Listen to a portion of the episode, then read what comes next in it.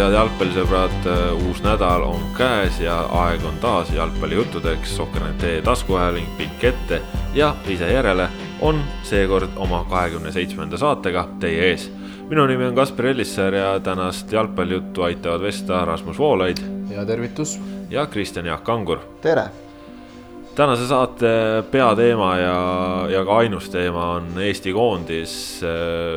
räägime täna sellest mida äh, viimase nädala jooksul nägime, kuidas need mängud möödusid, kui on mingil põhjusel meil kuulajaid, kes ei ole kursis Eesti koondise viimase nädala tulemustega, siis reedel kaotati kodus Valgevenele üks-kaks üleminuti väravast ja esmaspäeval ehk siis eile äh, kaotas Eesti samuti siin kodusel Lilleküla staadionil null neli Hollandile no mehed, äh, Karel Voolaiu uus periood, uus karjäär äh, uues satsis nii-öelda sai oma alguse.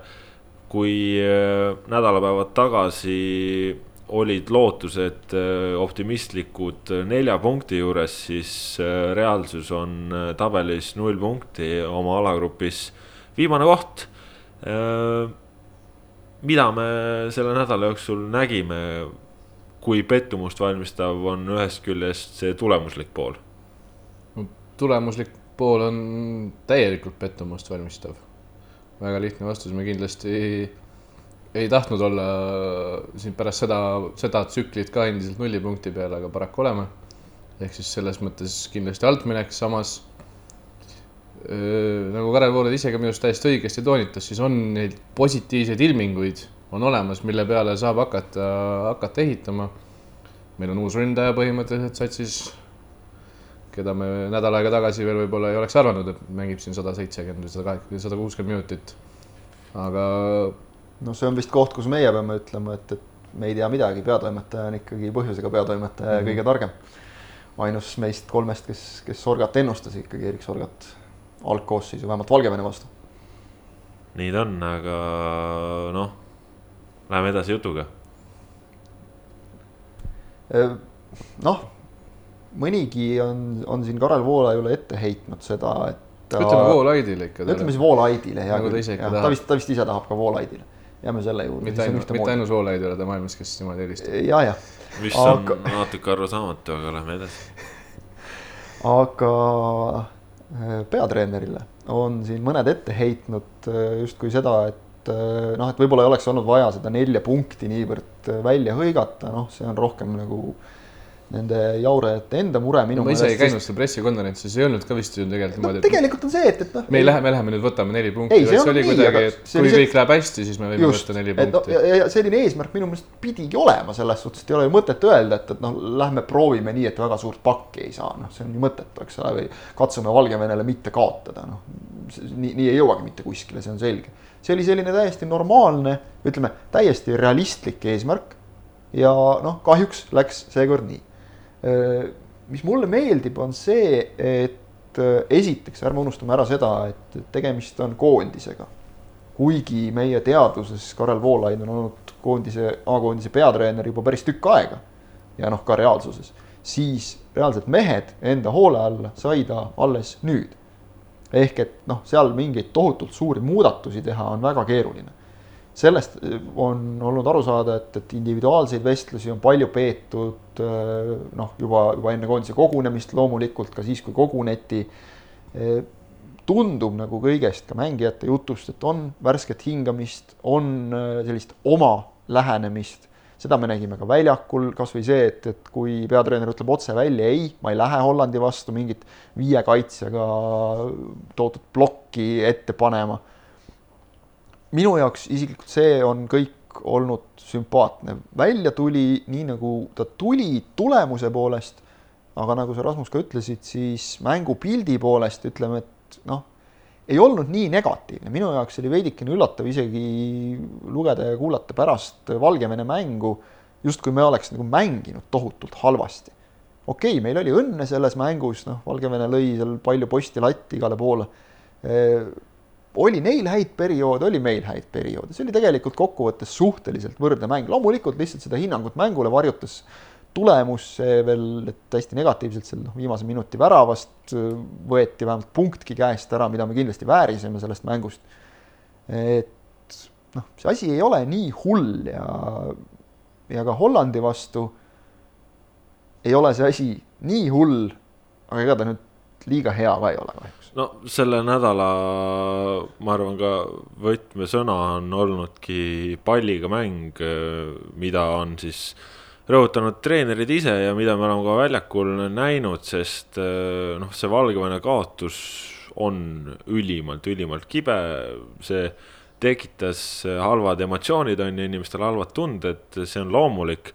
samas äh, oli ju mäng Valgevenega üle väga pika aja esimene, kus Eesti meeskond valdas rohkem palli kui vastane.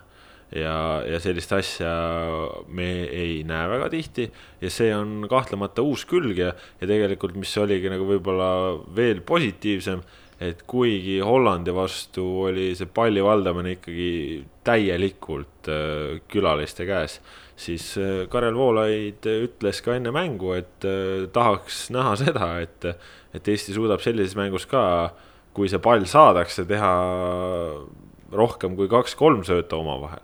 Ja, ja seda suudeti, sest tõesti see palli valdamine oli ju noh suures plaanis seitsekümmend protsenti Hollandi käes.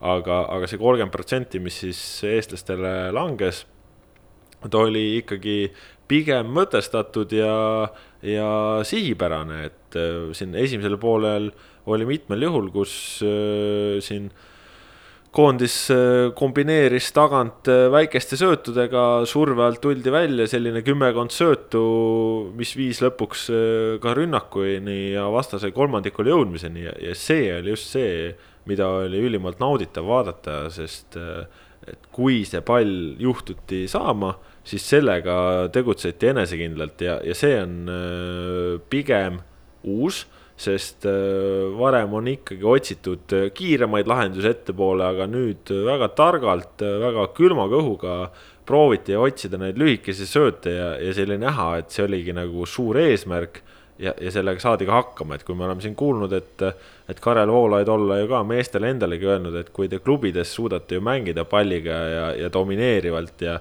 ja tulla surve alt ka palliga välja et siis äh, jumal hoidku, et te suudate ju seda ka koondises. ja, ja ma arvan, et me seda ka nägime, et äh, muidugi Hollandi noh, see klass, noh me, me ei saa sellest üle ega ümber ja, ja, ja ma ei taha, et see kõlaks ka nagu lolli vabandusena. aga noh, tõesti, kui meil on üheksateistaastane Erik Sorga äh, premium-liiga ründaja mängimas äh, Matis Delikti ja, ja Virgil van Dijk'i vastu, kes on noh, maailmas hetkel praegu ühed äh, kõige populaarsemad kaitsjanimed, Van Dijk tõenäoliselt saab siin lähinädalatel eelmise aasta üldse parimaks jalgpalluriks, Delikt äh, oli ju kõikide suurte klubide radaril, lõpuks valis Torino Juventuse, noh see on, see on natukene teine tase kui siin premium-liiga on ju, et. Äh, ja see on ka natukene teine tase kui, kui Poola esiliiga, kus meil äh, eilegi mehed algkoosseisus äh, olid, et noh. ma, ma arvan, et, et neid nagu olusid arvestades just, just see julgus mängida oli, oli minu jaoks see, see võtmesõna, et tõsi me jõudsime täpselt ühe korraliku pealelöögini. aga, aga samas ütleme, et siin mängu alguses Sergei Zenjovi konksutamised, teravad pallid värava ette, et noh oleks seal läinud äh, mingi asi natukenegi teistmoodi, oleks sealt võinud vabalt tulla värav. ja muidugi oleksid, poleksid, oleksid, poleksid, on ju. et noh, ega nendel suurt väärtust ei ole. aga, aga point on see, et äh, Eesti mängis isukalt ja, ja see on võib-olla kõige suurem muutus võrreldes Mainziga, kus läksid asjad väga halvasti. no, no see oli ka, eks ole, treenerivahetuse põhjus, see oleks ka väga halvasti, kui, treenerivahetuse järel meeskond endiselt sama tujutu on, aga ma, ma muidugi natukene selles mõttes noh, kas nüüd otseselt vaidleksin sulle vastu, sest et tegelikult su jutt paljuski on väga õige tõesti, eks. vaatame nüüd objektiivselt natukene asja, aga aga mis ikkagi paratamatult natukene silma torkab, on, on mingi tehniline krobelisus, võib-olla ei olegi aus tõesti võrrelda hollandlastega, sest et noh, sealne jalgpallikool on, on niivõrd kõva lihtsalt, et sealt tuleb kogu aeg materjali peale ja Hollandi praegune koondis noh, selles mõttes, et nad ei löönud mitte ainult meile neli, nad lõid mõned päevad varem ka sakslastele neli, eks ole. et, et, et see, see on tõesti, see, see on Euroopa praeguse hetke absoluutne kõige teravam tipp ja äh, neil on koondis praegu väga hästi tasakaalus ka just äh, sinu mainitud meestele tänu kaitsefaasis. et, et on äh, olnud Hollandi koondistel ju alati kõvu, kõvasid ründajaid ja selliseid kõvasid isiksusi, praegu võib-olla noh, ütleme võib-olla selliseid tohutuid staare nagu meeletult isegi ei ole, ütleme isegi näiteks Memphis Depay ei, ei kerki sealt sellest ülejäänud seltskonnast kuidagi ütleme siis oma ego või sellega nagu niivõrd esile, kui on mõned varasemad staarid kerkinud, vähemalt kõrvalt vaadates nii tundub. et noh, Memphisel see ego on tegelikult ju täiesti olemas, seda on klubi karjääri jooksul näha saanud, võib-olla see on ka põhjus, miks ta praegu mängib seal, kus ta mängib, mitte päris kuskil Euroopa absoluutses tipus, aga, aga Kuuman on saanud väga hea just nimelt meeskonna kokku. See oli ka see põhjus, miks Eestit suruti üheksakümmend minutit, miks, miks me loeme pärast mängu seda, et hollandlased on endale enne mängu teadvustanud, kui me läheme nii-öelda poole kõvaga, siis on oht, et meid karistatakse, me ei tohi seda teha. kerge olnuks ju neil ka pärast Saksamaa võitmist pilvedesse tõusta, et oh, küll me selle Eesti ära võtame. ja, ja noh, hoolimata sellest ülekaalust tegelikult esimene poolaeg üks-null ja, ja noh, kaks-null püsis ka veel päris pikalt et, et oleks Eesti kuskilt ühe tagasi löönud, oleks võinud nende jaoks jälle teravaks minna, see, et nad hoidsid lõpuni välja fookust. noh, Eesti oli, oli selle ohver. aga mis puudutab Valgevene mängu, siis äh, ikkagi üks asi torkab nagu natukene silma, et mingi tehniline pagas kipub Eesti mängijatel jääma krobeliseks ja ma väidan, et sellele laotakse alus väga noores põlves.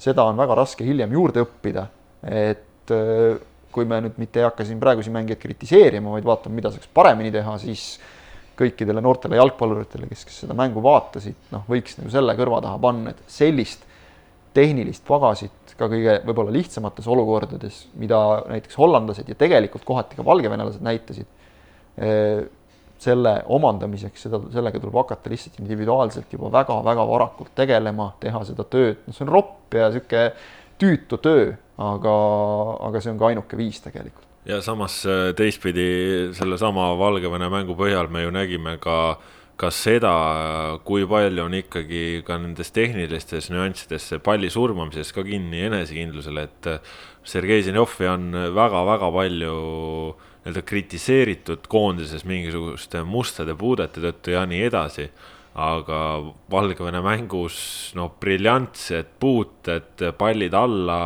pall vastasest mööda, noh, suurepärane, ehk siis äh, osad aga... panevad muidugi samas vaimus edasi, et puujalg ja kõik see jutt, eks ole, aga, aga noh, soovitakse, et vaadake mängu ka ja siis hinnake, mitte mingite varast, e- e- varasemate arvamuste pealt. ehk siis see ikkagi näitab ka, et noh, väga oluline on ka see vaimne valmisolek, vaimne enesekindlus ja, ja isegi, et kui seal võib-olla on see tehnika on olemas reaalsuses muidu, siis, siis kui sa tunned ennast surve all, sa tunned mingit väga suurt pinget, siis isegi, isegi noh, nii-öelda maailma parim võib selle musta puute teha, et noh, nägime ka eile, et Hollandi mängus paaril korral läks sööt lihtsalt out'i ja, ja siukseid asju juhtub, on ju ja noh, Ojamaa samamoodi, et, et täpselt see, ega, ega see noh, suuresti, ega ta ei ole nüüd õppinud viimase, ütleme poole aastaga või aastaga nagu meeletult palju paremini jalgpalli mängima, lihtsalt see tuleb enesekindlusest, et tegelikult tema on ju see, kes on noh, saanud võib-olla seda välismaalt seda sellist jalgpallilist algõpet noh, rohkem kui mõned mehed Eestis, siin on ka omad objektiivsed põhjused, see ei ole jälle kriitika mõttes,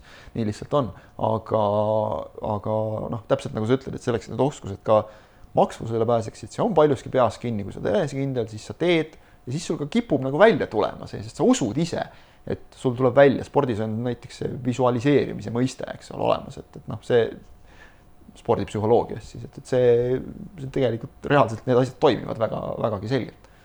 lisaks äh, Zenjovile ja Ojamaale ma tooksin välja ka sellest keskvälja kolmikust, ma tooksin välja Mattias Käidi, kes äh, põhimõtteliselt, ma ütleks, eile oli ainus poolkaitse, kes nagu reaalselt äh, suutis äh, Hollandi meeste tasemel kiirusega asju teha, asju mõelda kohati vähemalt, et tal ka muidugi alati ei tulnud välja ja, ja paljuski võib-olla ei tulnud välja ka seepärast, et kuna ta on oma koondises üks ainsamaid, kes sellega nii-öelda selle tempoga kaasa suudab kohati minna, siis noh, sa ei mängi üksinda, kogu meeskond üle ja nii edasi, et äh, no käidi pealt on olnud see minu meelest sellest hetkest, kui ta koondises see tuli on nagu näha olnud, et, et see, kas noh, enesekindlus palliga mängimisel, see, et sa ei ürita seda kuskile ära sokutada, see on noh, täiesti teisest klassist lihtsalt, sest talle on seda lapsest peale või noh, noorest peale nagu õpetatud, harjutatud. mulle kusjuures eile tundus, et äh, kõigil oli see olemas, et keegi nagu sihukest liigset tormakust äh, ei võtnud, ehk siis, ehk siis tunduski, et on ka treenerite poolt väga palju seda enesekindlust süstitud ja,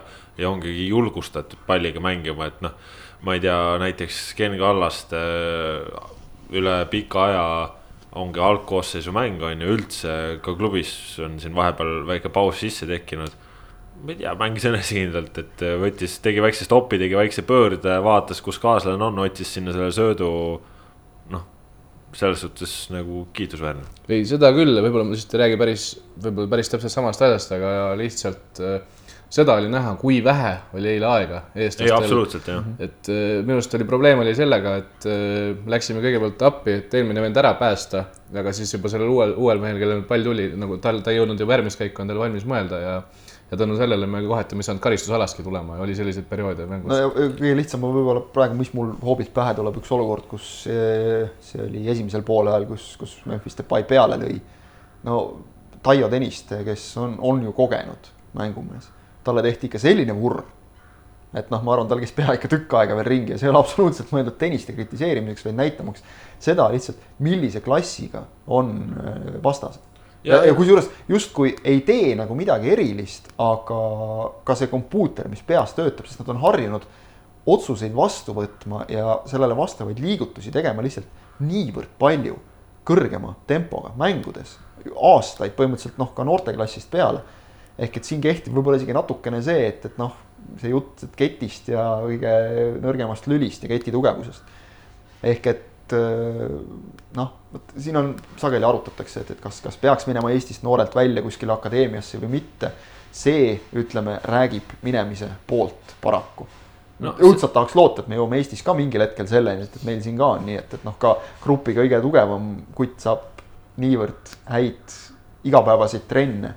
Aga kas see nüüd nagu meie mängijate valiku juures niivõrd reaalne on, selles ma kahjuks ei ole nii kindel. no eks see kiiruste vahe ju ongi, ongi see kõige peamisem, mis äh, eristab äh, tippusid nõrgematest, et äh, noh, jämedalt öeldes kõik profijalgpallurid suudavad palli surmata, suudavad seda sööta, suudavad seda lüüa.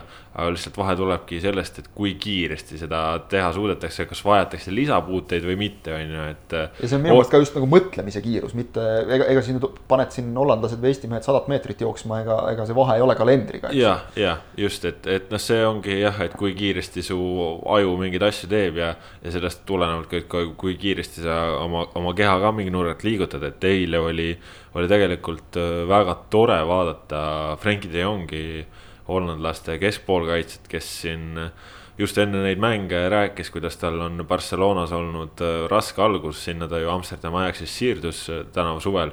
et on olnud raske algus ja, soovibki enesekindlust koguda ja eile oli noh, ta oli ikkagi mõnus näha sellist äh, maailmaklassi nõtkesamm, väga hea ruumi tajumine, väga hästi väljaku nägemine, puuted, see kõik oli noh, me nä- ikkagi nägime tippjalgpalli ja, ja noh, mõne nurga alt on ka seda nagu tore kodus näha. Ja kui sa, kui sa ütlesid, et äh, räägib minemise vastu, siis ma ütleks, et minemise pool, jäämise poolt, vabandust, kui sa ütlesid, et räägib jää-, minemise poolt, siis jäämise poolt räägib Erik Sorga, kes ei ole välismaal äh, kordagi nii-öelda noh, pole välislepingut olnud tal ja ainult läbi premium-liiga, ma ütleks, tema on siin kahe mänguga kiirustega suhteliselt enam-vähem äh, hästi ära kohanenud. Tõsi jah, see on, see, sul, sul on õigus, et, et noh, ega, ega siin nagu ühte kindlat teed ei ole jälle. aga samas ta, ta ütles ka, et, et see oli pärast Valgevene mängu ütles, et see oli väga sarnane sellele, millel, mida ta koges Euroopa liigas ehk tal nii-öelda see kiiruse, kiiruste, ta teadis, mida oodata nendest mängudest. Noh, arvestame ka seda, et Sorga on Eesti liigas noh, olnud kergelt fenomen ja, ja Sorga puhul on see, et ta noh, suhteliselt varakult on hakanud meestega mängima. see ka mõjutab väga palju, juba see on hüpe, eks ole. no ja väga oluline faktor on ka sisemine motivatsioon, ehk siis äh, Erik Sorga arvab noh, jämedalt öeldes, et ta on maailma parim jalgpallur ja, või ta saab selleks ja, ja täpselt niimoodi ta on ka väljakul ja. ja ta peabki nii arvama. ja, ja täpselt nii ta peabki arvama, et see on see, mis on tema suur trump, see enesekindlus ja, ja ütleme, ongi, et, et kui ühe nurga alt on noortel mängijatel see enesekindlus muutumas selliseks ohtlikuks, et sa lähedki võib-olla natukene liiga ülbeks ja sa arvadki, et sa oledki väga palju ja sa selle arvelt teed vähem. siis Sorgal on praegu selle nurga alt kõik hästi, et ta arvab, et ta on kõva mees ja ta selle arvelt ka teeb äh, nii palju, et ta oleks see kõva mees, et see on. see on just see, et sa näed, et see vend tahab tõestada, et ta tahab äh, Van Dijkile ära teha, et ta tahab äh, Delistile ära teha ja, ja noh, tegelikult oligi, et ta on ju kasvu poolest mõlemast, no utreerides peajagu lühem aga kui söödud talle kehasse tulid, ta suutis neid hoida, ta suutis palli Eestil säilitada, mis oli tegelikult väga-väga imetlusväärne. ütleme, et eile oligi tegelikult Hollandi vastu selline mäng, kus oleks just nii-öelda võinud veel selle Valgevenele löödud värava pealt ka nii-öelda ära tõusta, et nüüd ma olengi tegija ja, ja siis olla täiesti tühi koht, aga mul ei ole kahjuks statistikat käepärast, aga tõesti, nagu sa ütlesid, kui, kui Sorgale ikkagi nagu pall vähegi nagu normaalselt tuli, siis ta suutis seda ka hoida kas tal nüüd oli alati kedagi, kellele seda jagada edasi, noh, kas see pall nagu pikalt jäi tema kätte no, pidama? ütleme, et tegi paar triblamist enda värava poolega, mida oli. oli küll, oli küll. ja, ja ütleme näiteks äh, Eesti ainukene. vale pool, aga ikkagi ilus. nojah, Eesti ainukene raamilöök äh, Ojamaalt, äh, ega Sorga oli õiges kohas Mm -hmm. tegelikult ta oli värava ees olemas, lihtsalt noh, seal on puhas õnne küsimus, kuhu väravavaht tõrjub. ei põrkanud täpselt alla, vaid põrkas meeter kõrvale. jah, põrkas meeter kõrvale, eks ole, aga ta oli tegelikult, ta oli kaitsjatest sammukese eespool. Ehk et äh, tal on see nina olemas, seda ta näitas, noh, okei okay,, Valgevene vastu jah, oli napp suluseis, aga. ka sammuke eespool. Jah, ka sammuke eespool aga, aga ta oli õiges kohas. Ehk et täpselt ja nagu ta ise ka väga, väga õigesti pärast ütles, et mina olen ründaja, ma pean väravaid lööma, ma pean olema selle koha peal, kus väravaid lüüa, nii lihtne ongi eile ta nägi väga täpselt, palju tal ikka maailma tipus seal puudu ka on, kui üks, üks episood oli, kus Henrik Ojamaa pani jumala head senderduse karistusalasse, kõik oli täiesti tipp-topp, Sorga oli olemas ka. aga paraku ainus halb asi oli see, et ta läks õhuvõitlusesse Virgil van Dijk'i vastu. ja siis no, ta, siis ta nägi, palju veel minna on. sealt on ka oluliselt suuremad ja, ja. Sergei Aguero'l oleks ka ilmselt palju. jah, lennanud nagu jahukotid, nii et, et selles mõttes, aga noh, hea oli, et, et sai kogeda ja tegelikult, et sai nagu ka selle, ma usun, mälestuse kaasa, et noh teen tööd, on võimalik mängida küll. aga et muidugi veel nüüd see eelnev, see minemise või jäämise jutt nii-öelda noh, nagu kokku keerutada, siis ma hakkasin mõtlema, et kui ma ise ütlen, et et noh, Sorga on siin meestega mänginud, siis jälle välismaale minnes sul ei ole ju seda kinnitust. Käit on, sama Mattias Käit. Käit on väga palju hakkab, vähem meestega mänginud. nüüd hakkab Sorga. siis nagu alles stabiilselt loodetavasti Domžales äh, meeste jalgpalli mängima niimoodi igapäevaselt, eks ole. et äh, noh, eks see on keeruline, ei ole ühtset vastust, aga noh, kõige lihtsam on see, et tee tööd, näe vaeva ja siis midagi tuleb. nojah, see ongi, et, et ole ise mees siis sa suudad ise mees olla ükskõik kus ja siis juhtuvadki head asjad, on ju, et Sorga on ennast näidanud, et premium-liigas saab mängida hästi ja kui sa siin mängid hästi, siis sa saad ka ütleme, rahvusvahelisel tasemel võimaluse kasvõi koondise näol ja. mul on ja, natukene ja... kahju Rauno Sappinenist, aga samas mul on hea meel, et, et Sorga sai nüüd kaks nagu noh, sisuliselt täismängu.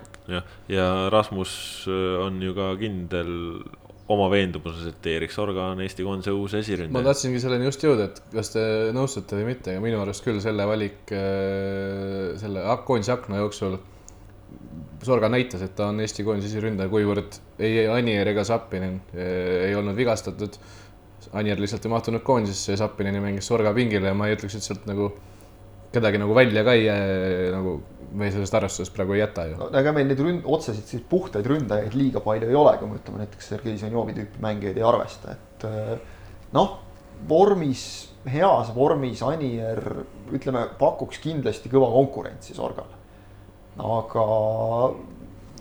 Anieril on need ühe käe sõrmedel, saame siin alates maikuust vist need algkoosseisu mängud. ja, et, et noh, ütleme, kui, kui ta nüüd läheb jälle sellisesse vormi, nagu ta siin enne sinna Aasiasse siirdumist oli, et, et siis, siis on. ei muidugi, aga. tema kasuks räägivad kogemused. kogemused jah, aga noh, teisest küljest noh, Sorga võib-olla tegi siin nende kahe mänguga rohkem, kui, kui Anier on mõne varasemaga suutnud, et tal on jälle omad trumbid, ütleme kiirus on tal, on tal parem, noh, Anier on pikem jälle, eks ole.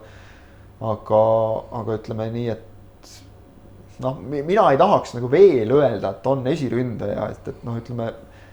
selle ühe hea klubihooaja pealt ja ma, ma tahaks nagu öelda, et tee veel tööd, saa veel kõvemaks, aga, aga võib-olla praegu natukene avansina on, aga ütleme, et potentsiaali saada tal järgmise aasta jooksul esiründajaks, seda on tal küll sajaprotsendiliselt kindlasti jah. no ja tundub ka, et, et kui nagu tänase päeva seisu vaadata, siis tänase päeva seisuga võõrsil Valgevene vastu alustaks Erik Sorga, see on tänase päeva seis on ju. see oleks loogiline, sest et nagu tegelikult mulle tundus, et ta suutis isegi esimese mänguga peatreeneri ümber veenda natukene, sest et jäi nagu kuidagi kõlama see signaal, et. Äh, no nii nagu no,, nagu mina ütlesin, Sorga esimene mäng ja Sapinen teine on ju. et Sapinen alustab ka teises mängus. eks sul oli, sul oli sama mõte, mis oli Voolaidil enne esimest mängu. jah äh, mulle näis küll, et, et Valgevene vastu näidatud niivõrd hea mäng, mitte ainult värav, vaid lihtsalt see mäng Äh, see sundis natukene ümber mõtlema, sest et noh, ega kui vaadata, me läksime siin ka veidikene rappa oma aruteludega enne mänge. et, et kui me rääkisime siin Sorga trumpidest, et võib-olla ta nüüd Valgevene ja noh, Hollandi vastu, et talle nagu siin mingid asjad nii hästi ei sobi, et Hollandi mäng sobiks rohkem, noh nagu näha, siis seal tal seda jooksuruumi üldse ei antud tegelikult. aga, aga tõestas ennast, et, et ta on võimeline hoolimata sellest, mis ta vorm koduliigas on või ei ole, et noh, see on jällegi hea näide sellest, et, et mängija võtab ei mingit jala väristamist, null aukartust. ei Valgevene meeste vastu, ei Hollandi meeste vastu. Et ta võtab selle väljakutse vastu ja, ja nii-öelda tõuseb sellega kaasa sellele tasandile kuulge, aga suur vastane, neljane tagaliin, midagi uut, neli toast ka, aga, aga vist ikkagi võib pigem öelda, et see neljane liin ennast õigustas. neljane liin õigustas, küsimus on, kas keskkaitse valik õigustas ennast et äh, ei, on minu vastus, tähendab. küsimus on, küsimus on küll jah, aga vastus on ei reaktsioon on ja jah, aga vastus on, et ei õigusta. no see, ütleme, ma ütlesin ka eile pressikonverentsil Karel Voolaiule, et, et ma olen temaga nõus, et paberi peal. Voolaidile.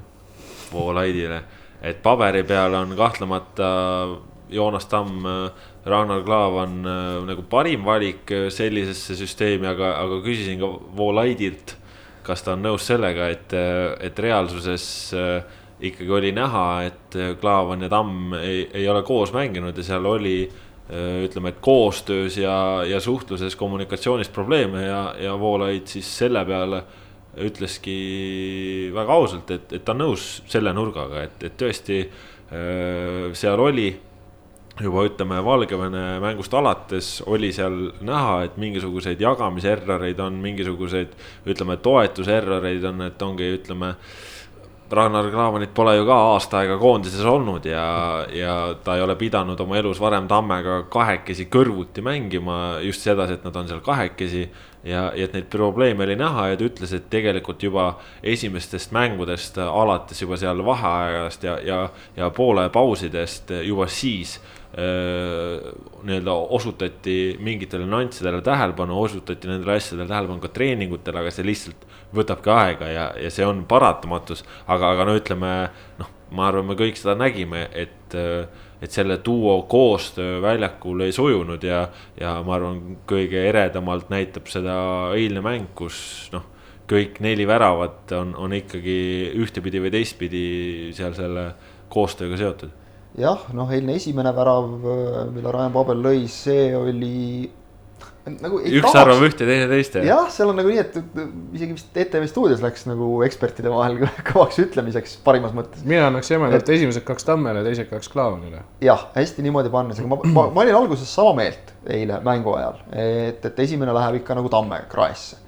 ja kui sa tegelikult vaatad kordust, siis seal oli, Depay oli vist teine mees, eks ole, Paabel ja Depay teevad väga hea sellise klassikalise ristjooksu. ja Blindilt tuleb ka ääre pealt äh, väga hea madal tsenderdus, kaitsjatele ülivastik, väravavahel samamoodi, selle peale minna ei saa.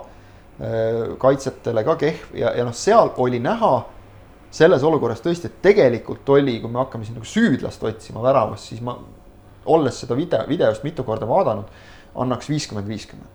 üks andis nii-öelda nagu mehe üle, teine oli kindel, et tema selja taha mees ei jookse ja, ja noh, kui vaadata seda videokordust, siis hetkel, kus Pavel ära lükkab varbaga kuskilt sealt Leppmetsa külje alt, siis Joonas Tamm vaatab nagu kuidagi ahastavalt Klaavanile otsa ehk et noh, umbes, et ma ju arvasin, et seal ei ole kedagi või noh, seal võib öelda, et, et oleks pidanud selle esimese postitsiooni kinni panema, aga tsenderdus oli nii terav sissejooks oli nii hästi ajastatud, et jube raske on nagu öelda, et see nüüd oli tohutu kaitsjate süü.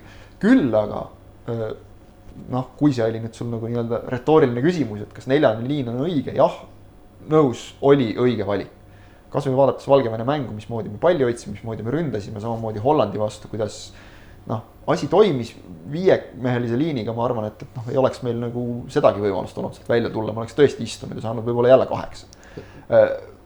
individuaalsed vead, tegelikult, individuaalsed vead selles mõttes, et Valgevene mäng, noh, eriti esimene värav äh, nurgalöögist. kapten Klaavan tunnistas ise, et naiivne olin, lasin ennast ära tõugata. seal on nagu väga raske on treeneritel midagi öelda või trennis rääkida, noh. Ütleme otse, ütleme otse, juhtub noh.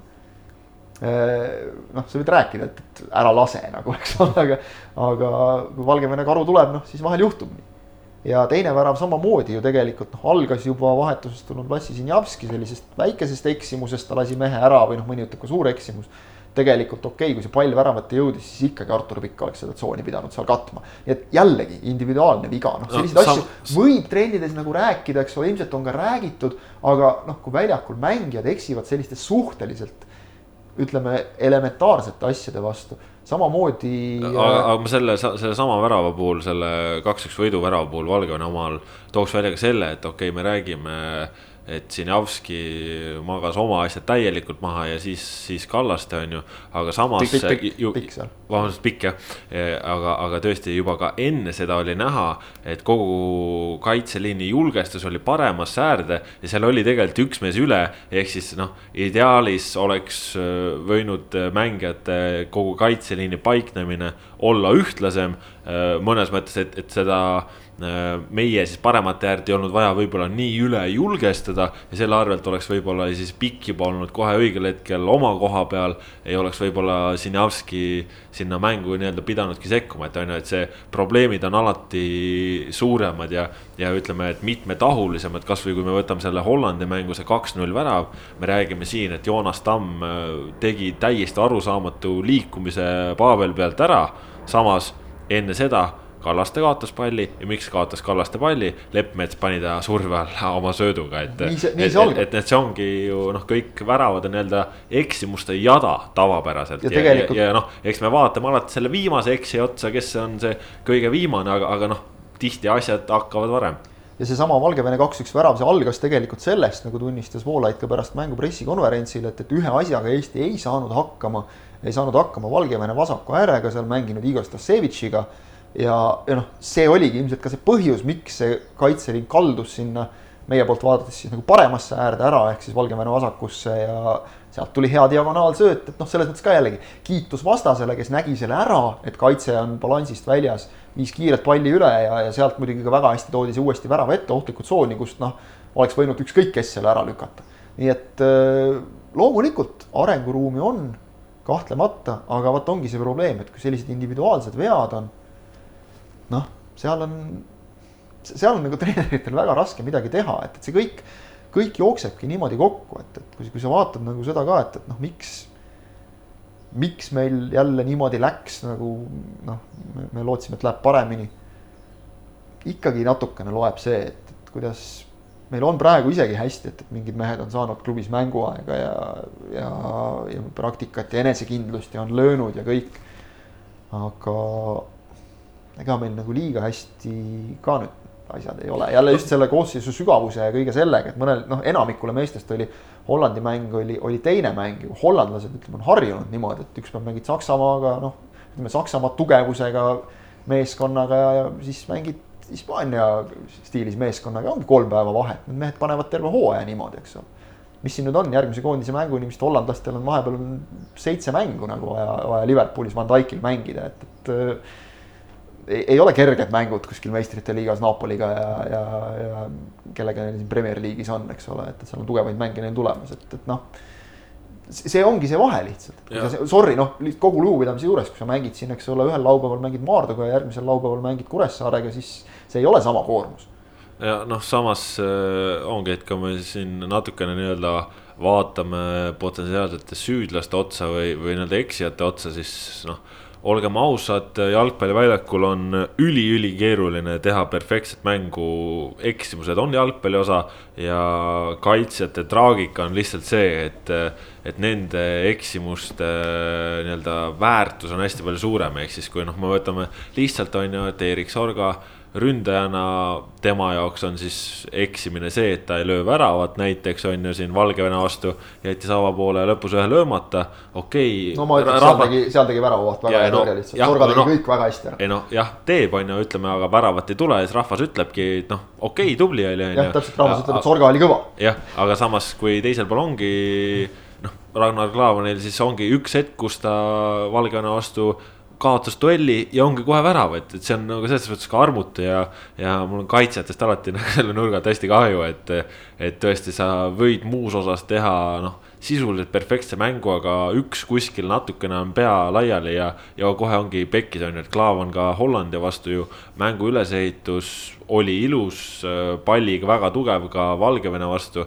Aga samas noh, ongi, siis tulevad kaitses mingid asjad ja, ja siis ongi justkui inimesed vaatavad, et, et rakku, mis on lahti, on ju. see on täpselt see, minu arust, ma ei tea, kas see on ka igal pool, igas riigis nii, aga minu arust on see väga eestlaslik, see oli eriti eestlaslik oli see siis, kui Klaavan mängis Liverpoolis, siis ju põhimõtteliselt e-, eestlased vaatasidki selle pilguga mängu, et kas mitu eksimust Klaavan teeb ja siis pärast hakkavad komment-, kommentaarides välja tooma, et kas ta nüüd veel saab üldse Klopi all mänguaega, et nüüd Oot, jälle. vot ma ju ütlesin. uskumatu, uskumatu jälle jooksis tema pealt mängija ära ja nii edasi, no. et, et jah. jalgpallis joostakse ka Sergio Ramose ja pealt joostakse ära ja noh. Ramose pealt jube palju joostakse ära tegelikult, ma arvan, sama palju kui Klaavani pealt lihtsalt. et, Ramos... võib, et võib-olla jah, üks, kelle pealt ei joosta, on Van Dijk, aga noh. Van Dijk oli muidugi eelmise aasta meistrite liiga kõige kiirem mängija ka, nii et isegi. oli no, päris keeruline ülesanne. on tema ka pläkke teinud, nii et, et noh, lihtsalt jah, ta on neid viinud miinimumini, aga noh, jättis siingi ütleme ühe nagu päris hea võimaluse löömata, et, et ei tule tal ka ideaalselt. sa mõtlesid seda kolmekümne pealt ei, ma mõtlen, ma mõtlen peaga teisel poolel oli veel üks olukord, kus ta oli täiesti vabalt sai lüüa. uskumatu, mees. ja kujutad ette, lõi, lõi kümmekond senti mööda, noh, see on täiesti ebareaalne, kuidas siuksed mehed niimoodi eksivad, ma ei kujuta ette palgast maha. aga, aga noh, üleüldse vaat just nagu sa ütlesid õigesti, et kogu aeg see nagu mingi süüdlase otsimine, et, et ega me ka praegu ütleme ei kritiseeriks neid kaitsjaid võib-olla või noh, ei räägiks sellest, ütleme siis mis me neist ikka kritiseerime, eks ole, mehed mängisid nii nagu, nii nagu nad suutsid. et tõesti nagu see oli positiivne, et kaks korda üheksakümmend minutit, et ma ei näinud nagu kordagi ühtegi meest väljakul, kes noh, ma ei tea, ei viitsi või, või laseb jala sirgu või noh. seda, seda ei olnud. see, see, see on ju miinimum, mida nagu nõuda saab, mõni ütleb, et noh, sellega rahulduda oleks ka nagu vähe, aga aga noh. meil on näeb, kontrast all, kus. oleme, oleme näinud selliseid, eks ju, täpselt, meil on endal kontrast ja, ja noh, korduvalt näinud, kuidas head mängijad lihtsalt ei anna ennast alati sada protsenti ja, ja siis ka ei tule asju. aga, aga noh, probleem oli kaitsjatega just see, et, et sellist ebakindlust ja, ja neid pisieksimusi siit-sealt, neid tuli nagu terve mängu jooksul. see oli noh, ja see omakorda ei sisenda ju mitte mingisugust äh, kindlust no ja siis, siis samas ongi, ütleme see Joonas Tamme mitmepalgeline mäng, kus kaitses tuli jama, on ju, siis palliga mängus teeb konksud, teeb kohvid, läheb, võtab kahest vennast mööda ja, ja ongi justkui nagu noh, väga tubli ja nii peabki. ja üks oluline asi veel, et, et me noh, vähemalt minul jäi nagu täpselt märkamata, millises olukorras Tamm täpselt äh, Hollandi vastu viga sai õlale. ta mängis lõpuni selle mängu, vahetus oli põhimõtteliselt, Madis Vihman oli valmis juba, Tamm mängis selle mängu lõpuni. noh, mängis tegelikult just selle mängu lõppu, mängis võrdlemisi korralikult ehk et. sul pani võib-olla hambad ristis ja topeltmotivatsiooni. just, just, anda... ärme nagu seda ka absoluutselt alahindame, et, et kui me, me ei tea tegelikult enamikku selliseid olukordi, kuidas näiteks. kui, kui ebamugav oli Konstantin Vassiljevil mängida Valgevene vastu, olles ikkagi noh, alles saanud nagu lihase vigastuse, eks ole, kui. kui palju võib-olla enne mängu läheb kellelgi kuskile süste või, või valuvaigisteid sisse, et, et. see on jalgpalli elu üks osa, üks, keegi neist ei vingu selle üle, sellest ei räägita isegi sageli. aga kunagi ei tea, see võib olla täpselt see millisekund või see pool sammu, mis sul jääb puudu kuskile jõudmisest, nii et ka see on asi, mida tasub alati arvestada või ütleme näiteks, kui noh, kui siin hakatakse, on hakatud rääkima midagi stiilis äh,. Ragnar Klavan hoiab ennast nüüd nagu koondises, et pikendada Ai, klubi karjääri. noh, sa ütled jama jutt, ma ütlen möga, et, et, äh, et et äh, meenutame Rahvuste Liigas oli see, kus ta Soome vastu mängis, ta mängis ju seal Tablette. puhtalt äh, süstide tablettide pealt, eks ole, et, et noh. ja, ja arvestades, mis vigastus see oli, siis noh, minge hommikul ajage ennast üles, lihtsalt keha on niikuinii kange ja minge poodi, et, et kui, kui Klaavan ütleb nüüd, et, et, et noh, vot nüüd niimoodi tagantjärgi tuleb nagu välja, kui ta ütleb, et üle päris mitme aasta on see, et ma tõusen hommikul üles ja nagu esimesed viisteist minutit ei lähegi selle peale, et, et kuidagi nagu mingisugune kangus kuskilt välja saada või ennast sirutada, et kus mul nüüd täna valutab. et noh, see, see on profijalgpalluri igapäevaelu, et noh, loomulikult nad on selle ise valinud, eks ole, et ega liialt ka kaasa ei ole vaja võib-olla alati tunda, aga, aga mõista seda ju ometigi võiks. kõige kummalisem on see, et nende juttude juures, et mis on Klaavani motivatsioon üldse koondises olla, kui, kui ta tuleks ennast hoidma. me, meie ei ole ju harjunud sellega, kui siin vahepeal hakkas juba see jutt, et, et noh, Klaavan võib-olla üldse loobub koondisest, et see on ju maailma jalgpallis on täiesti tavapraktika. kolmkümmend pluss ja öeldakse, et sorry, keskendun klubi mängudele ja. kui ta tahaks ennast hoida, siis ta loobukski ja koondisest. kõik saavad aru, eks ole. Klaavanil on ikkagi see krediit ka juba piisavalt suur all, et tema Ja, et-, tema võibki loobuda koondisest. ja võib loobuda noh, koondisest ja minu meelest on tal krediit nii suur all, et, et kui ta just nagu igas mängus oma väravat ei löö, siis võiks nagu loobuda haukumisest tema kallal. jah, sest äh, ma loodan küll, et Klaavan ei loobu koondisest, sest ei, ta on jah, oma oma mängija taseme poolest on lihtsalt nii kõrge ja. Okei, et äh, kaks väravat äh, tuli, on ju, kus oli mingit jama. samas palliga kindlus, noh, teist sellist venda ei ole, et Karol Mets ei ole ka päris, päris sellisel tasemel. No ta liigub selles suunas, oma palliga enesekindluse poolest nagu tänasel päeval. aga kui siin oli juttu põgusalt ka Kostja Vassiljevist, siis Kostja Vassiljevit me Hollandi vastu ei näinud ja. ja Kostja Vassiljevi puhul me nägime Valgevene vastu, et kui ta välja vahetati, siis kadus Eesti mängust igasugune sidusus. Rasmus, milline on see perspektiiv, Kostja kolmkümmend viis täis kuidas me ilma temata hakkama saame, sest nagu me praegu näeme, ega me väga hästi ilma temata toime ei tule. ja minul oleks väga meeldinud, kui oleks olnud vahetusest võtta Ilja Antonov Valgevene vastu tema asemele. kahjuks Antonovit koondises ei olnud, oleks oluliselt paremini sobinud sinna rolli Artjom Dmitrijevi asemel. Dmitrijev jah, võib-olla polsterdab, polsterdas seda kaitset, ma ei tea, kui palju ta seda ka tegi, teha suutis, aga aga nii-öelda eespool käigu võttis ikka täielikult ära minu arust see vahetus ja No- nüüd oleks Antonov olnud seal, siis oleks ma võttis, Antonov kahtlemata on siduvam mängija just, ikka see võttis täiesti ära see, selle noh, side kadus täielikult kaitseliini ja, ja poolkaitseliini vahel, et, et noh, Eesti muidugi jah, tahtis ka väravat lüüa.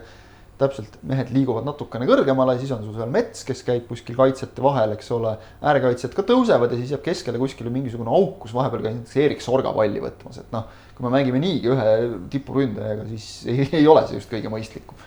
et noh, kahjuks jah, ütleme Artjom Dmitrijev on omal ajal mänginud ju lausa ründajana ja, ja ka ründava poolikuna Belgias ka Nõmme Kaljus on mänginud isegi seda ülemise pooliku kohta ja, ja saanud seal hakkama, aga noh, üks on Nõmme Kalju, teine on koondise mäng, eks ole, paratamatult. ja, ja, ja noh, millal ta seal viimati mängis, eks ole. ehk et öö, ütlen, noh, mulle isiklikult selles mõttes nagu see vahetus jäi pisut selles mõttes arusaamatuks, et tuli just nimelt Dmitrijev mitte Ainsalu mitte näiteks Ainsalu, ütleme, kellel oleks olnud ka sihuke hea noh, sisseelamise hetk, tuled teed viisteist minutit. nüüd oli ta vähemalt minu hinnangul Hollandi vastu noh, natukene selles mõttes nagu peatajat, et minu meelest Ainsalu ei leidnud Hollandi mängus endale õiget kohta lihtsalt väljakul, ta küll tegi ja püüdis ja, ja noh, selle taha ei jää sellel vennal kunagi midagi, et ta ei üritaks.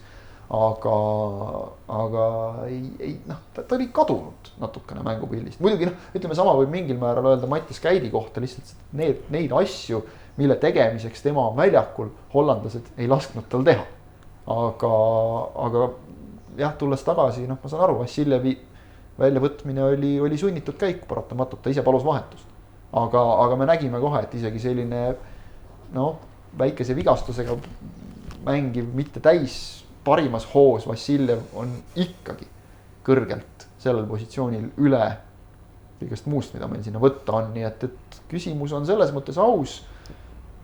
No see ongi ülesanne Karel Voolaidile ka ju, mida ta ise välja öelnud, leida see mees, sest meie ei tea seda, kes see järgmine mees peaks olema ja Voolaid peaks nüüd nagu nii-öelda, ta ju toonitas ka eile, et tema ülesanne või üleeile enne mängu vist, et äh, tema ülesanne ongi leida mantlipärijaid ka ja ta. rõhutas, just ta rõhutas seda ka pärast äh, mängu Valgevenega, et, et meil ju peavadki tulema mängijad, kes noh, mängivad juba mõne aasta pärast Vassiljevi asemel. et No. nemad peavad ka võimalusi saama, noh kõvaks otsimiseks läheb jah, praegu ütleme, ega selles. ega praegu ei ole ühtegi noort ka seal positsioonil. selles A-koondises äh, ei olnud sellist number kümmet äh, sinna võtta, et on ju, et olid number kaheksad äh,. Käit võib-olla kõige mobiilsem äh, justkui ja noh, Käidi roll koondises saab olema ka väga-väga oluline, seda ta taas nende kahe kohtumisega näitas, et tema roll on oluline, tema selline palliga mängimise enesekindlus on oluline, samas rahulikkus ja, ja ka tarkus, need on asjad, mille peale kindlasti Eesti A-koondis oma tulevikku rajab ja noh, kui me vaatame põgusalt noh, näiteks kasvõi seda U kahtekümmend ühte, mis nüüd Igor Prinsi käe all mängis, siis noh, seal numbri kümne peal toimetas äh, Henri välja, noh, lisaks seal poolkaitses ka Markus Soomets, et noh, võib-olla kunagi, kuna, kuna jah, Markus Poom ka, et võib-olla sealt äh, mingi hetk midagi tuleb, aga. sinna aga läheb veel mitu aastat. Läheb ikkagi väga palju aega jah, et. Äh, noh, kuigi ega välistada ei saa, Käit ise ju ka tuli põhimõtteliselt, eks ole, välismaa noh. ta tuli Fulhami noortest. noortest, eks ole, akadeemiast tuli ja hakkas tegema kohe, et, et. Käidist aga... veel rääkides, siis oleks koondisel oleks võib-olla hea, kui ta nüüd seal Domžales ka ei mängiks enam kuue peal, vaid äkki treener nägi ka nüüd neid mänge siin, uus treener ka veel ju et äkki liigutab Käidi nüüd kaheksa peale, kaheksa peale vähemalt jah. ja et, et just, just tahtsingi ka selleni jõuda, et, et väga palju sõltub sellest, et Käit oleks võimeline mängima kindlasti ka ründaja all, võimed lubavad seda. no aga... oli ta ju vana ründaja. nojah, aga ja ta on ju noh, juba Fullamis ta mängis ju väga erinevaid positsioone. Fullami kiirusrekordi isegi pidi tema nimel olema. ma ei tea, kas enam on Paabel oli ka seal seal on neid sessioone ka terve pesakond käinud läbi, et, et võib-olla on üle jooksnud, aga jah, klubis noh, me nägime tõesti Karol Metsa puhul see, et, et meil korraks enne käis ka see teema läbi, et et ka Mets mängis oma noh, koha välja. ütleme, ütleme aga..., et teises mängus oli parem kui esimeses. jah, teises oli parem kui esimeses, sellepärast et. oli harjunud mängima, oli seda rolli, rolliga kohanenud, ütleme. ta mängis, eks ole, madalamal natukene rohkem ja noh, tal ütleme, nagu seda ehitamise ruumi jäigi vähemaks, mistõttu ei torganud ka see silma, mis näiteks jäi silma Valgevene mängus, et ta mängis äärmiselt turvaliselt aga võib-olla ka see oli just põhjus, nagu ma mainisin, kui ta vajus, eks ole, teisel poolel noh, keskkaitsjate vahele vaatad kohati kõige madalamaks meheks veel. ja no,, eks, eks ja, ja siis ongi keskelt on nagu üks et... mees puudu ja kuskilt läheb midagi nihkesse. no mängu ülesehitusfaasis see on, on tegelikult loogiline, et ütleme, et alumine poolkaitse peakski vajuma kahe kaitse vahele, ütleme. kaks keskkaitset, kes teevad, lähevad rohkem äärtele, keskele peabki vajuma, aga see tähendab seda. keegi peab vastu ka tulema. number kaheksa tulema, tulema appi jah, ja, ja ja, aga meile, meile siin kui, kui seda ei ole jah, et, et siis ongi, et, et see number kuus tuleb alla, kaheksat ei ole, kümmet eh, ei ole ka, kes küsiks ja, ja siis ongi nii-öelda pekkis ja. ja noh, see on eh, väljakutse, millega tuleb eh, silmitsi seista. Metsale kiituseks veel see, et, et ta mängis oma selle tavapärase, mõlemad mängud oma tavapärase sellise tahtmise ja, ja innukusega, aga ei olnud kordagi seda tunnet, nagu varem on sageli olnud, et ta noh, nii-öelda iseennast suure põlemisega läbi kõrvetaks. ei olnud, ei olnud jooksev kollane kaart, nagu tema kohta öeldakse. just, seda ei olnud, et kuigi ta kollase võttis, aga noh, see ja. oli niimoodi õigesti võetud rünnaku mahavõtmiseks, kahjuks küll vist, mul mälu ei peta, siis sealt tuli ka värav lõpuks, aga noh, see ütleme, et noh, juhtub. et, et see, see kaart oli noh, nii-öelda nagu normaalses kohas võetud, aga üldjoontes jah, võib temaga rahule jääda, aga mina näiteks, kui me panime hindeid, ma ei, ma ei saanud kummagi mängu puhul üle ega ümber sellest, et ta oleks olnud, arvestades noh, ütleme Joonas Tamme esitust, keskkaitses. see, mida, see, mida ma alguses rääkisin. nojah, ta oleks olnud veel kasulikum. aga mik-, ma, miks kardetakse seda, panna kaks vasakvõlgset keskkaitset kõrvuti? ma arvan, et siin ei olnud mitte see hirm, vaid siin oli lihtsalt see, et, et noh, ütleme objektiivselt enne mänge me ju ise ka ennustasime, et, et Klaavan Tamm on keskkaitsepaar ja, ja Mets on, on poolik, sest siis on võimalik panna kõik kolm väljakule, kui me mängime neljase liiniga. Ja noh ütleme, ma sain sellest Voolaidi äh, loogikast väga hästi aru, kui ta ütles enne mängu, et ma tahan panna kõik mehed noh, parimas vormis mehed väljakule, sest meil tõesti ei ole liiga palju valida. aga noh, takkajärgi targana, ma arvan, ta on ka ise nõus, ütleb, et jah, vaadates mängijate noh, neid esitusi, aga noh, oleks-poleks, me takkajärgi võime kõik targutada selles suhtes, tema tegi need valikud, tema vastutab ja ta on, võtab need vastutused hea meelega, vastutuse hea meelega enda õlgadele ka, nii et, et noh, selline see treeneri töö on lihtsalt aga räägime siis põgusalt siia lõppu veel äh, sellest treenerite meeskonnast ka. kuidas nende nii-öelda esimese nädalaga siis rahul olla? ma arvan, te olete nõus, et muudatusi me nägime, muudatused olid, muudatused pigem olid positiivsed, kuigi tulemust ei järgnenud ja noh, jalgpallis ju edukust määratakse tulemuste alusel, et selles suhtes on jälle sihuke nadiseis ja ei tahaks olla seal ilusate kaotuste ajas ja, ja noh see on nagu negatiivne ja tõenäoliselt isegi kui, kui peaks õnnestuma võõrsil Valgevenet võita, siis tõenäoliselt siin omavahelised mängud pluss väravate vahed ja muud asjad ikkagi lõhnab kangesti selle järgi, et me alagrupis viimaseks jääme. kui ei tule mingeid suuri üllatusi, aga, aga noh. kas kui..., mis see tiebreaker on, kui kaks-null ära võtta näiteks? nojah äh, ma isegi praegu peast äh, ei tea seda öelda, et noh, väravate vahe on meil kehvem, on ju hetkel aga noh. mu loogika ütleb, et on ikka mälu järgi, et on omavahelised ja siis. kahe pärast võitu omavahelist vahe, ja ei no lihtne. aga, aga noh, kui me vaatame peale, siis noh, mina ütleks, et äh, positiivsed äh, muudatused, et selline mingi teatav emotsionaalne nii-öelda mõnes mõttes vabanemine tuli et kuigi jah, tõesti tulemus ei tulnud, siis, siis mulle tundub, et, et siit võiks asja saada, kuidas teile tundub? ma loodan, et pärast Valgevene mängu mul oli natukene selline tunne, et äh, Voolep paneb samamoodi edasi nagu U kahekümne ühega, et oleme mängus sees, mängime küll ja siis tuleb ikka lõpus ära mingi kuidagi, kuidagi, kuidagi. aga noh, nüüd see noh, meeldib see, et hoiab oma joonisest kinni, loodetavasti nagu ta ise ütles, sentimeeter haaval, isegi millimeeter haaval, no tuleb hakata laduma ja läheb, läheb paremaks. no mina, ma, ma ka usun sellesse, et noh, märgid on. arvestame seda, et, et sa võid, eks ole, siin noh, isegi kui aega oli vähe enne mänge, siis sul võib seda aega olla ka kaks kuud, aga see on kõik teooria. platsil näed, kas töötas, ei töötanud. noh, ma ütleks, et kas ta nüüd maksimumi materjalist võttis, noh kindlasti siit-sealt saab kuskilt juurde aga korralikult. selles suhtes, et, et no siit on hea edasi minna. klassika vana hea, vana hea spordiklassika, aga, aga päriselt ka, sest et noh, siit annab edasi minna selles suhtes, et see, nende, need kaks mängu on, mille peale ehitada, ütleme näiteks kasvõi see, et eh, Valgevene mängu ülivalusa kaotuse järel oleksime, oleks võinud meeskond eh, Hollandi vastu ka vaimses plaanis igatepidi täielikult laguneda kuigi me teame, et noh, üldiselt Eesti koondis koduväljakul ei, ei lagune. me saime peale praktiliselt rekordkaotuse, null nelja oleme andsin Iirimaa vastu saanud. noh, see... tulemuse mõttes oli kole mäng, aga, aga Eesti ei lagunenud ära selles mängus. ei, see oli jah, no hammastega olid kinni vähemalt. jah, lõpuni välja, kusjuures ka pärast neljandat väravat, selles mõttes, et noh, mängiti see mäng korralikult lõpuni, nii nagu võimed lubasid sellest me võime teha veel teise saate omaette, eks ole, et, et miks me oleme sellises seisus, nagu me oleme ja miks meie võimed ei luba enamat ja ja kas Pohlak tuleks lahti lasta ja kes tuleks asemele tuua ja, ja kõik need asjad, et noh, minu jaoks ongi see, et kui ma nüüd olen siin ka juba pärast Valgevene mängu viimastel päevadel nende asjade peale mõelnud, et kui sa niimoodi objektiivselt nagu vaatad ja võtad seda Eesti jalgpalli arengut, siis need pusletükid on nagu kõik nii-öelda õige kujuga. aga nad ei, ei taha kokku klappida mingil põhjusel. ja ma, ma noh, see, see on see, et noh. see on nagu uue, uue pusle-värk, et, et. siis, siis ongi küsimus, et kas me nüüd viskame selle karbi nagu tervenisti minema või me üritame neid tükke ikkagi natukene veel voolida, et siis nad hakkavad klappima äkki nagu. minu jaoks nagu see teine lähenemine tundub nagu vähe mõistlikum, et, et noh.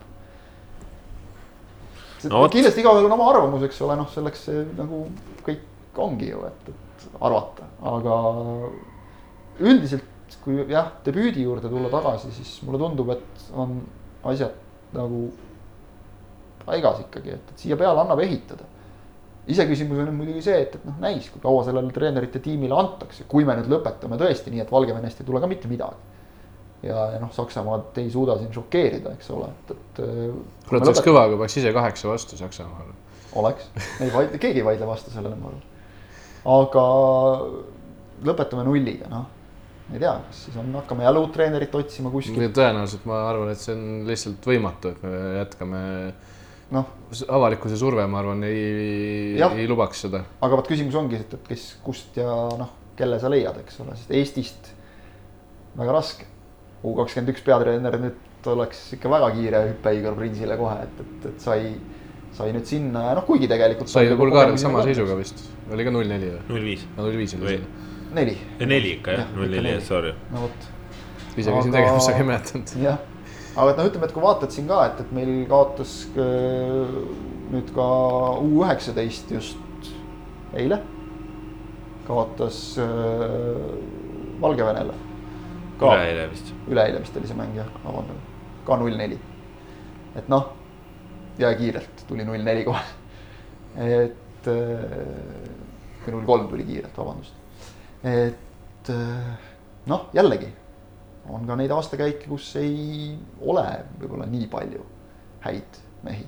ja samas on väikesed detailid, U seitseteist on ju, õnnestub ka, on ju, et eks äh, neid asju siin on palju, aga, aga hakkame siit vaikselt otsi kokku tõmbama, enne kui tõmbame otsad kokku, läheme kohe kuulaja küsimuse juurde. ma ütleks enne hästi lühidalt selle eelmise teema lõpetuseks, et noh, töö käib, päriselt noh, töö käib jah, töö käib, töö käib igal pool. siin ka, mida me nüüd küsima hakkame, seal ka käib töö.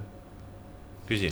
küsin äh, Paul Antsar Twitteris, siis Twitteri kasutaja Adjoh Haidiska küsis äh, koondise uutest võimalikust, võimalikust koosseisust rääkides, siis mis on saanud vahepeal palju juttu tekitanud Zakaria Beglarišvilist. igaks juhuks helistasin enne saadet Mihkel Uibolehele ka. et kui, kui keegi teab täpsemalt, siis tema peaks küll oskama nii hästi öelda, kui öelda oskab ja töö käib.